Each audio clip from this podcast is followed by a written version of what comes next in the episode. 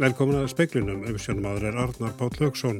Ungverðisráður að vísar á bög að Íslandi leggja ekki fram með framtíða sína á lofslagsrástefnu saminuð þjóðana í Glasgow. Framtíða síni verði skilað árna rástefnan hefst í næstu vikum. Tíma takja að vinna sviðsmyndur um hvernig Íslandi að ná markmiðu sínum í lofslagsmálum. Lörglustjórun á Vesturlandi leitaði ráða hjá ennbætti ríkisaksóknar í tengslu við rannsókn ennbætti sinns á brotum yfir kjörstjórnar en norðvestu kjördamis á kostningalögum. Á annað hundru þúsund heimila er án ramags í Fraklandi eftir að óveðurslögin Áróra fór þar yfir í nótt. Áætlunaferðir járbreytalesta fóru úr skorðum í óveðrunu.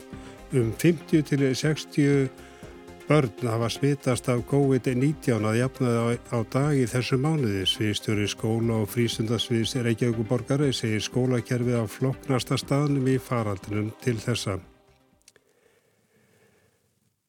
Lörglustjórun á Vesturlandi leitaði ráða hjá ennbætti ríkisaksónar í tengslu við rannsókn ennbætti sinns á brotum yfir kjörstjórnar norðvestu kjördamis á kostningalögun.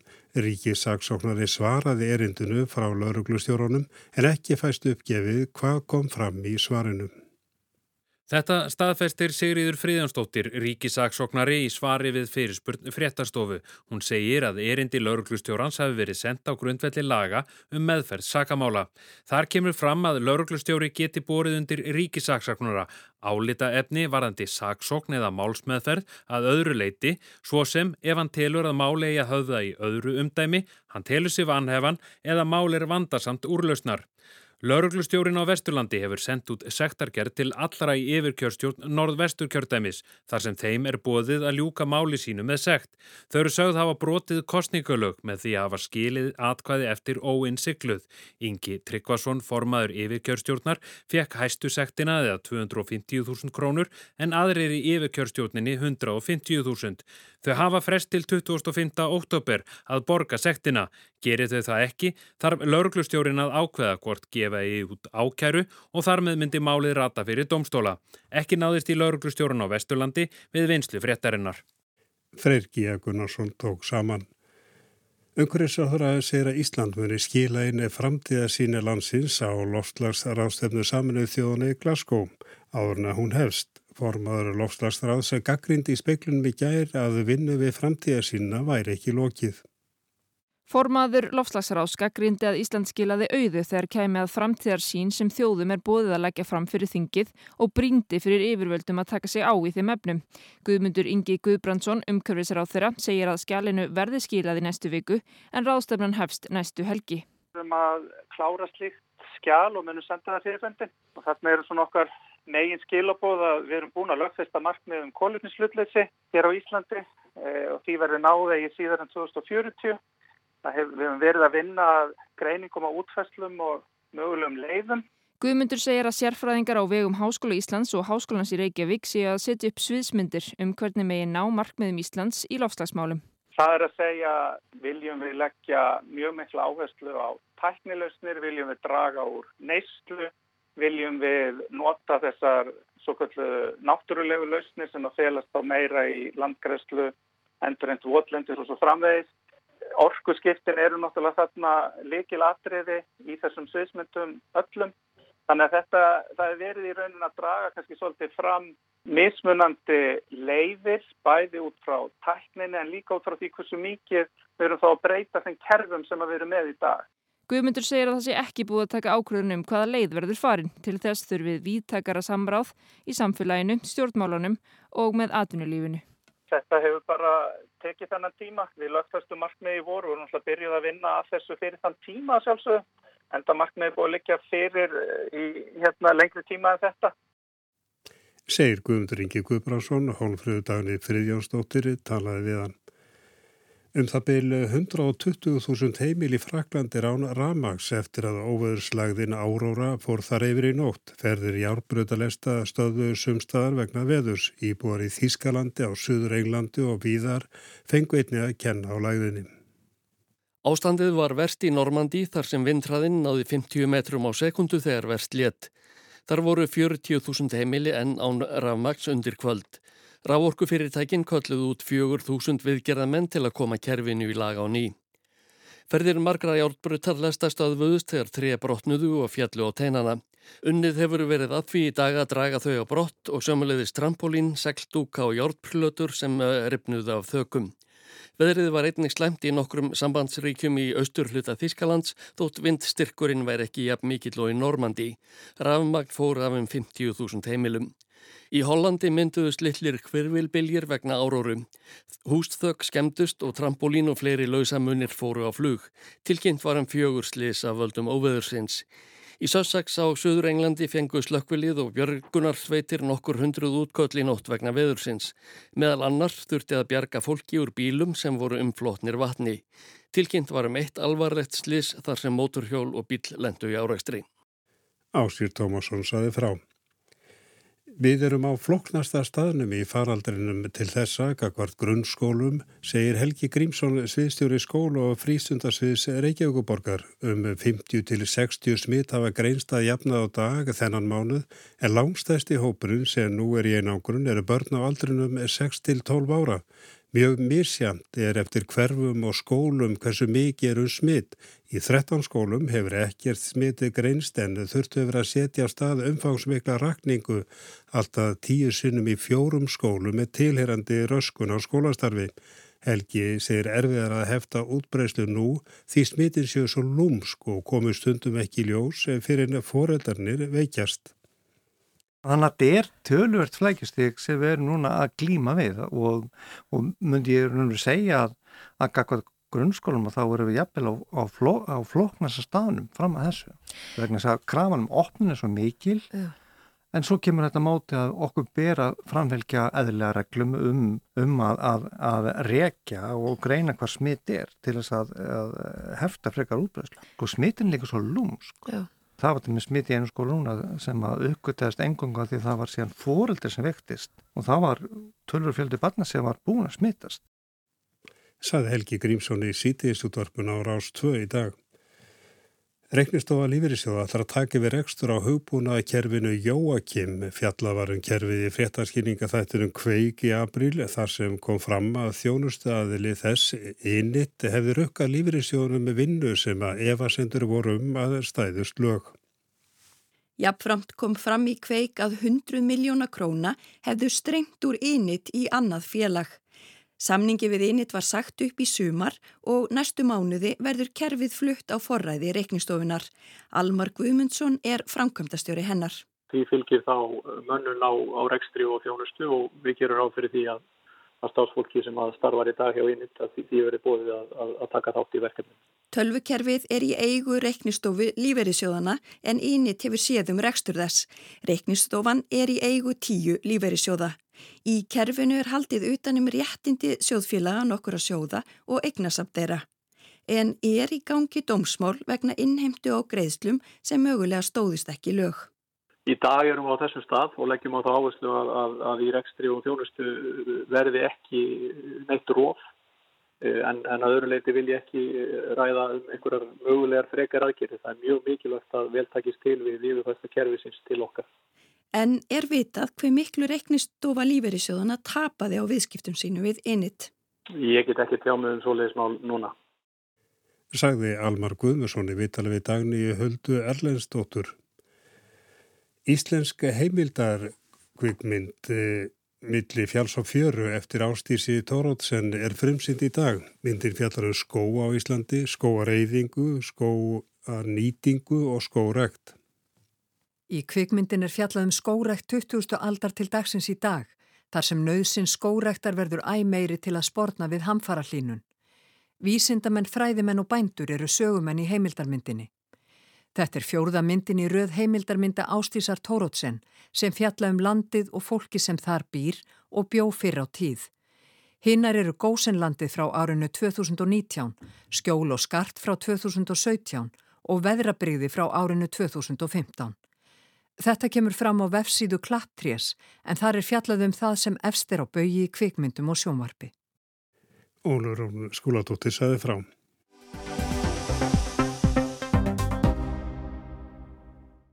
Það eina sem virðist ljóst ef stjórnarflokkanir ná saman um nýjan stjórnarsáttmálan er að Katrin Jakobsdóttir verður áfram forsættistráþara. Leitúar flokkana haldar spilánum þétt að sér. Þingsta og erfiðasta málið sem þeir ræða eru líklega loftslags og orkumál. Um helgin að verða liðnar fjórar vikur frá því að formennir er settust niður til að freysta þess að ná samkónlagi um áframhaldandi stjórnar samstarf.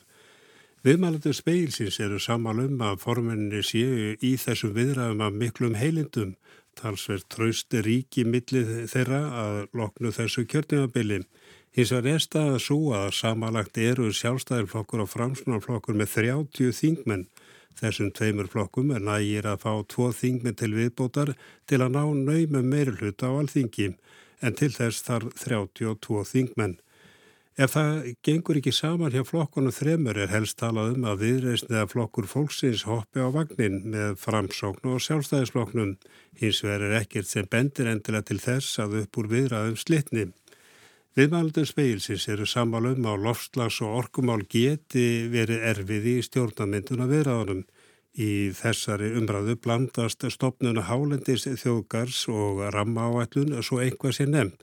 Hins vegar er öllum ljóst að það þarf að slá í klárin ef Ísland ætlar að takast að standa við skuldbindingar sínar í lofslagsmálum. Haldur Þorgesson, formaður lofslagsráðs, gaf ríkistjóðun ekki háa engun í lofslagsmálum í speiklunum í fyrradag. Hann saði að þessi áratugur væri upp af að úrslita tímabili í lofslagsbarátunni. Framlög til lofslagsmála væru langt frá því að vera nægilega mikil. Íslandi hefur verið í samflótu með Europasambandinu um markmiði í losun gróðrúsaloftegunda. Skjálfest er að samdráttur eigi að nema að minnstakosti 29%. Evrópusambandi ætlar að gefa í og draga enn meira úr samdrættinum. Og þess vegna hefur Ísland eh, sett fram það markmið að draga losununa saman um 55%. Og það er mjög mikilvægt að, að það náist. Við erum langt frá því að vera á þeirri braut. En hverju lofuðu stjórnaflokkanir í aðdraðanda kostningana? Sjálfstæðarflokkurinn talaði um græna orkubildingum að Ísland tæki fórustu með því að framlega græna innlenda orkum að Íslandi stýji skrefi til fulls yrði leiðandi orku skiptum á heimsvísu með metaðarfullum aðgerðum og fyrst þjóða óháð jarðefna elsneitim. Lofur framsóknamanna voru þessi. Framsókna vil ebla grænan yðna þar á meðal vettnisframlenslu og nýta tækifærinn í landinu til nýsköpunar, þróunar og verðmætasköpunar í lofslagsmálum. Verkefninu þurfa að vera markvisari og skilvirkari og til þess að leiða það til framsókn nöysilegt að koma á sérstökur lofslagsráðureiti og stefnan er kólefnis hlutlaust Ísland árið 2040 og lovorðið að stefna af FG er þessi. Ísland á að ganga lengra en núvarandi skuldbindingar Evrópusambansins hveð áum í samdrætti í losun gróður og svo loftegunda og bytni ábyrði Íslands árið 2030 meða við 2005 og lögfæsta sjálfstað markmið um að minnstakosti 60% af samdrátt. Þetta eru háleit markmið en hvers vegna getur verið erfitt fyrir stjórnanflokkana að ná saman í lofslags og orkumálum. Stuttasvarið er kannski að bæði sjálfstæðisflokkur og framsókn vilja virkja og nýta þá grænu orku sem við höfum. Vinstu græn er ekki alveg til í það. Bjarni Bendisson var í síðustu viku spörður um lofslagsmálinn. Lofslagsmál hafa á sér margar hliðar. Einn er svo að eh, fara í orkuskipti, að hætta að flytja inn olju og nýta græna orku og við verðum að gera eitthvað í því að, að hérna, það hefur svona þótt vera allt of þunglamalegt fyrirkomulag þeirra mála uh, hvernig við förum í gegnum tingið með uh, eh, rammaállum svo dæmis er tekið við erum spennt fyrir tækifærum til þess að nýta græna orku, byggja upp atvinnu, fara í orkuskiptin og svo framvegis og við viljum leggja áherslu á það sjálfstæðismenn í, í hérna, þessum virðaðum. Þessu tengtum við, Hálendis þjóðgarðurinn, er hann á borðum, er verið að ræða hann? Já, við erum að ræða það að, að við getum ekki klára málið eins og það var lagt fyrir þingið og hérna, þá er spurning hvað, hvort eitthvað verður gert annað eða, eða hvernig við myndum reyna að draga lærdum af síðasta kjörtíðanbili. Og Katrin Jakobsdóttir sagði þetta. Lofslagsmálun hafa verið mjög fyrirferða mikil í þessari viku og það er auðvitað mál málana eins og sérst til að mynda á þessari alþjóðlegu ráðstöfnu sem er hér núna. Þarna eru allar þjóðir í raun og verið að setja sér ný markmið þessa dagana og auðvitað er þetta fyrirferða mikið málefni í okkar samtali og eins eru bara stór mál hvort sem er staða efnahagsmála eða, eða félagslegar áherslur sem auðvitað ég til mjög mikið vægt að verði ábyrrandi í stjórnarsáttmála þannig að þetta er auðvitað allt bara til umræð. Er þið sammála með um þessum málaflokka félagslegar áherslur og lofslagsmáli? Já, ég held að uh, hérna, við getum alveg átt vonað því að ná saman um þessar áherslur. Og loks Sigur Ringi Jóhansson. Lofslagsváin er auðvitað yfir okkur. Við erum hér á sama tíma með Arctic Circle, hérna stóru stórkvæmsluður ástafnu, COP26 í, í Glasgow eftir tvær vikur og um, auðvitað spilar þetta inn í þessar áskoranir næstu fjögur ára og þar er leiðandi það leiðir sem við þurfum að svara í stjórnarsáttmála til fjögur ára. Inn í þessa umröðu blanda svo hvernig taka ég á stofnuna Hálendis þjóðgars en því máli var vísa aftur til umhverfisráþura fyrir þinglók. Einni hvernig teki verður afgreifslu rammáætlunar sem slegið hefur verið á fresti í þrýgang og sjálfsögðu eru mörg önnur mál, skattamál, fjármál ríkisins, heilbriðismálinn og málefni aldraða, svo eitthvað sé nefnt. Formen flokkana funduðu í dag og næsti fundur verður á morgun. Þeir hafa sagt að stemt sé að því að nýri stjórnarsáttmáli líti dagsins ljós í mánaðalók og hvort það rætist á eftir að komi ljós.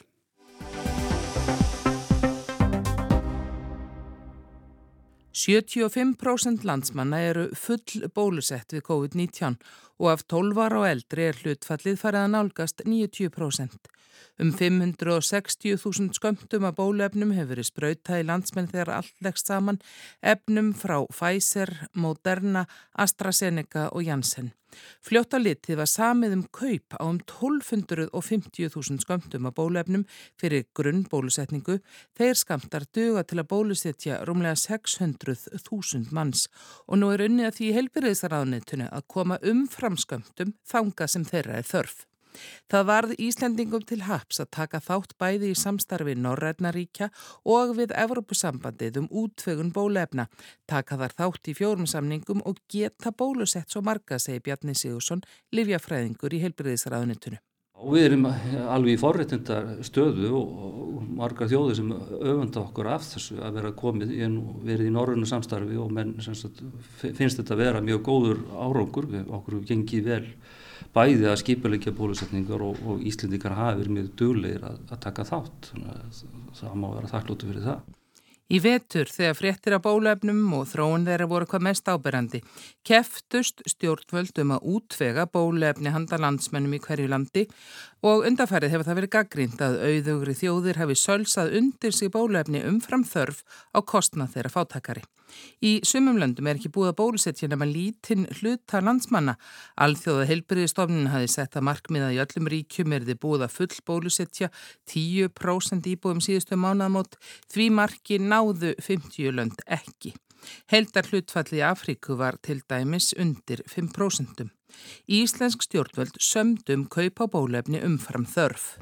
Já, það var svona, áallunin var svo að, að reyna að semja bara um sem flesta samlinga því við náttúrulega okkur var ekkert ljóst hvaða bólöfni myndi gagnast, þau hafa verið misgóð og, og svo þóla einstaklingar þetta misjaflega og, og svo var ekkert ljóst að þau myndu öll ná í gegnum fasa þrjú og, og komast á, á marka þannig að, þannig að við, þetta gerðum við bara til þess að tryggja við svona mögulega okkar sem mesta að þessu En, en það eru auðvitað luxusvandamáli núna að nú sitjum við uppi með meira bólefni heldur en við höfum þörf fyrir og þá er það auðvitað síðferðislega skild okkar að koma því til þeirra sem þurfa á því að halda og það, það er okkar að vinna þessa dagana. Og hvernig gengur það? Það gengur bara ágætlega. Við höfum verið hérna, hort mest til COVAX samstarfsins og, og þó GAVI sem er svona framkvæmda armurna því og, og Okkur hefur tekist að, að gefa áfram allt eh, AstraZeneca bólefnið umfram skamta því. Við erum að ganga frá samningjum að, að gefa líka umfram skamtan okkar af Janssen bólefninu. Pfizer er að verða gjaldgengt núna eða orði gjaldgengt í COVID-samstarfinu og við svona bara horfum til áallunar þá sótvarnarlæknis um það hvað við þurfum mikið af bólefnið, um það hvað við munum þá gefa af því bólefnið inn í samstarfið og móderna bólefni er líka á leiðinni þangað en, en við eigum sagt, hér á landi núna umfram skamta bæði að móderna og, og fæsir bólefni. Hversu marg? Já, við, við höfum verið að svona reyna að metta, það eru nú vinnuhópur starfandi um framkvæmt bólusetningar og hans hlutverk er að metta hversu mikið eh, bólefni við þurfum. En við erum allavega aflugu færi eins og stendur um 100.000 skamta af fæsir bólefni og erum að vinna í því að, að nú getum við ekki nýtt okkur COVAX samstarfi til þess að koma því áfram því að það er komið til landsins. COVAX stykkur einungis bólefni sem, sem er ekki komið til landsins og við erum að vinna því núna að gefa það til Þælands. Og það er ekki einfalt mál að koma bólefnum millir landa, þau eru viðkvæm vara. Og hún er ekki einföld í flutningi, sérstaklega ekki mRNA bólefni, það þurfa meiri kælingu og eh, eins og gætnan er þegar nýlið koma marka sem að hafa ekki verið þróið áður og þá er stutt fyrning á því, þannig að við höfum verið að glíma við það líka, að það séu stutta fyrningar. Og, og markmiði hjá okkur er í raun og verið að bæði það náttúrulega ekki bólefni sem fyrnist hér á lagar e, og heldur ekki að eiga umframbyrðir heldur en það sem þjóðin þarf í landin. Það, það væri ekki síðferðilega verðandi. Eins og Bjarni sagði áður tekur Kovacs samstarfið nú aðeins til bólefna sem búið er að semjum en ekki senda til landsins. Og, og það er svona flækjur þetta þannig að til dæmis eins og núna þegar við ætlum að gefa til Thailands þá þurfum við að skipulegja flutninga við, við þessi mjög köldu skilirði sem þetta bólefni þarf að vera og, og, og það, það er svona aðfangakeð, þetta er viðkvæm vara, aðfangakeðin er mjög viðkvæm og það er eins náttúrulega bara með að gefa inn í svona, það var mjög einfalt að gefa eins og AstraZeneca og Janssen-bólumnin inn í, í Covaxi því að það eru bara venjuleg geimsluskilir í bólumna, 2-8 gráður en meðan við erum að horfa þarna við, það kemast kannski eins og Pfizer best við mínus 80 gráður og svo stittir í tíma við 2-8 gráður. Þetta er flókið verkefni? Bæði flókið að halda utanum hva, hvað við þurfum og, og, og, og hvort að við eigum að vera að fara í örfunabólusetningar á almennum einstaklingum eða ekki samningarnir við bólefnafyrirtækin eru mismunandi og þar alveg að koma þessu inn í kópa það er líka doldi flókið þannig að er, þetta er mikið flækjastegu á þessu. En er eitthvað hægt að kasta tölu á það? Hvað við áttum mikið umfram? Sko það er alveg ljóst eh, með við eigum, sko þetta er um, um 126.000 skamta sem við áttum umfram af, af AstraZeneca bóluninu og afgangurinn af Janssen samningum hjá var yfir 150.000 skamtar. En við vorum hins vegar ekki skuldbundin að taka lengur en til áramóta úr Janssen samningum og allt sem við eigum inn í Janssen samningum til áramóta mjög fara inn í COVAX samstarfið og, og vantalega getur kóast tekið restina af samningnum ef þeir kjósa svo. Og það er ekki alveg ljóst hvað við munum nýta af, af, af Pfizer bólefninu. Við höfum svolítið getað nýtt allt bólefninu nema þess að 100.000 skamta sem við hefum núna. En við höfum síðan gert framald samninga við Pfizer þannig að við munum fá Pfizer bólefni bæði 22 og 23 og erum þá að hugsa um bólefni við nýjum aðbröðum og, og þá örfunabólusetningar ef að til þess kemur. En er ekki líka fullar líkur að við munum þurfa að bólusetja áfram? Það er ekki eitthvað sem að verð bara einu sinni þjóðin og svo búið? Já, það, það er, er nú kannski flestir faraldsfræðingar sem að spá því að það verði svo. Það er alveg ljósta meðan við erum ekki búin að ná að bólusetja allan heiminn að þá er, eru vakstaskilirinn fyrir ný veruafbreið. Við getum þurft að bregðast við því og við veitum ekki hvort að þau verða skæðari eða, eða veikari eða hvernig það verður en en það er alveg slíkt að þessi vera, þessi vera sem komið til með að vera með okkur um, um, næstu framtíð. Þetta var Bjarni Sigursson Levíafræðingur, Anna Kristín Jónsdóttir talaði við hann. Ramagn hefur verið dýrara í Nóri í haust en nokkru sinni áður í sögunni. Talar um alltaf tíföldun á verði frá því fyrram og verði söfla svo mikið að venlut fólku sundlar að sögn við að horfa á ramasmæluna. Gísli Kristjánsson í Oslo útskýri hvað er að gerast hjá frendum okkar austan allasála. Norðmenn er að vakna upp við þann vondadraum að rafmagn er ekki lengur bara rafmagn sem rafveitan skilar inn í innstungur í herbeggisvekkjunum. Ekki lengur sjálfsög lífsgæði eins og loftið sem enn anda að sér og rökkbröðið sem enn bryðja kvölds og morna. Rafmagn er afar flókin, dýr og jafnvel sjaldgef vestlunarvara. Engum tilgangi þjóna lengur að spyrja eðlisfræðinga um eðli rafmagsins. Það er bara á færi færustu hagfræðinga að skilja það sem áður var ekki einsinni verðt að spyrja um. Hvernig að skýra það að á einni nóttu er reikningurinn fyrir að láta vera velgi og einum ramagstýrofni í herberginu orðin þúsund krónur það er reknað sem íslenskar krónur. Og þetta gerist bara nú í haust. Til skamstíma þótt ekki að mála borga tvær eða fjórar krónur norskar fyrir kílovattstundina. Engin fann upp á að gerast rafveitu stjóri á sínu heimili til að spara fáeinar kílovattstundir sem hvortið er kostuðuna er ekkjart. En nú er öldun önnur. Verð hefur tífaldast á skömmum tíma og verðið sveiplast ótt og títt ekki bara frá degi til dags heldur líka frá morni til kvölds. Fyrir fáum dögum var upplýst að heitt sturtubað að morni gæti kostað alltaf 200 íslenskar krónur og mann á heimilinu. Engin hita veita Reykjavíkur á staðnum og allt vatn því hitað upp með rafmagni. Fólki því ráðlagt að baða sig sengtað kveldi því þá væri rafmagnið ódýrara eða jáfnvel á nóttunni því þá væri verði lámarki. Það er morgunbaðið, morgunkaffið, morgungrauturinn og morgunútvarpið sem spennir rafmaksverðið upp úr öllu valdi og tífaldar útgjöldin. Nema menn sofi bara til hádegis og býði af sér stóru kurvuna í orkueðslunni. Og í kraftin úttíma tækni er hægt að fylgjast með frá mínótu til mínótu hver mikið heimilið verður að gjalda fyrir orkuna. Saminsku samir heimilisfeður geta gerst rafveitu stjórar á sínu heimili og fylst með orkunvotkun og útgjöldum í rauntíma. Af vísu kostar sá búnaður nokkur útgjöld í rafmagni. Hér til lands er líka mikill munur á orkuverði eftir landslutum. Fólk norðan Dofrafjalla borgar ekki meira en áður. Verst er ástandið sunnanlands og vestan og þó er allar stærstu vassaflsvirkjani landsins á því svæði. Flestir vilja því fá svar við spurningunni hvað gengur einlega á. Og þá íta hagfræðingarnir eðlisfræðingunum til hlýðar við rámaksmælana. Hátt orkuverð núna er að sögna afleiðing af floknu samspili margra þáttar. Fyrsta, sumarið var mjög þurrt og því eru uppustöðulónin hálf tóm eða hálf full eftir atvikum. Minnað er framleitt af afmagni í landinu en í meðal ári.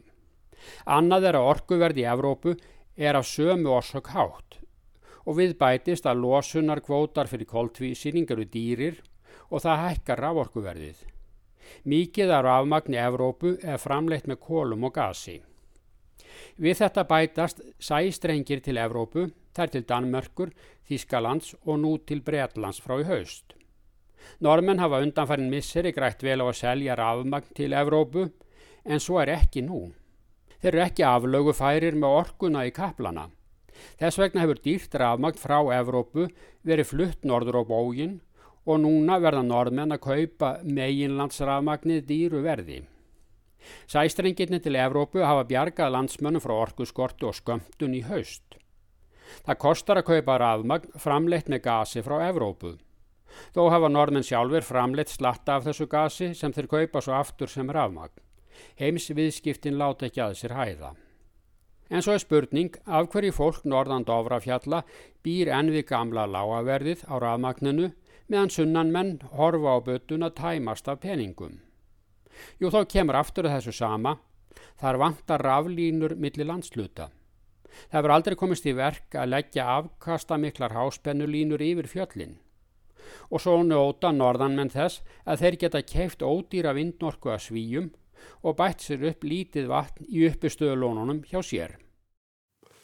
Þetta var Gísli Kristjánsson við lítum til veðurs. Norrlægið að breytilega átti 5-10 metrar á sekundu en norðvestan 13-18 austast og bjart með köplum en skíjað og stöku jéla á norðurlandi, norðausturlandi í kvöld. Hiti 0-6 stig en viða næturfrost og sögulega átti 5-13 metrar á sekundu í fyrramálið Dáli til rigning sunnan á vestalands en bjart með köplum með norðaustan til, vaksandi suðaustan átt með rigning og línandi veðri eftir háti fyrst á suður á vesturlandi, suðaustan 10 til 18 annað kvöld og hiti 1 til 7 stig. Og við sögum er hans frá því í speiklunum að umhverfisáþara vísar á bug að Íslandi leggja ekki fram framtíðasíni á loftlagsrástefnunni eða loftlagsrástefnu saminnið þjóðan eða Glasgow. Framtíðasíninni verði skilað á þennar rástefnan hefst í næstu viku.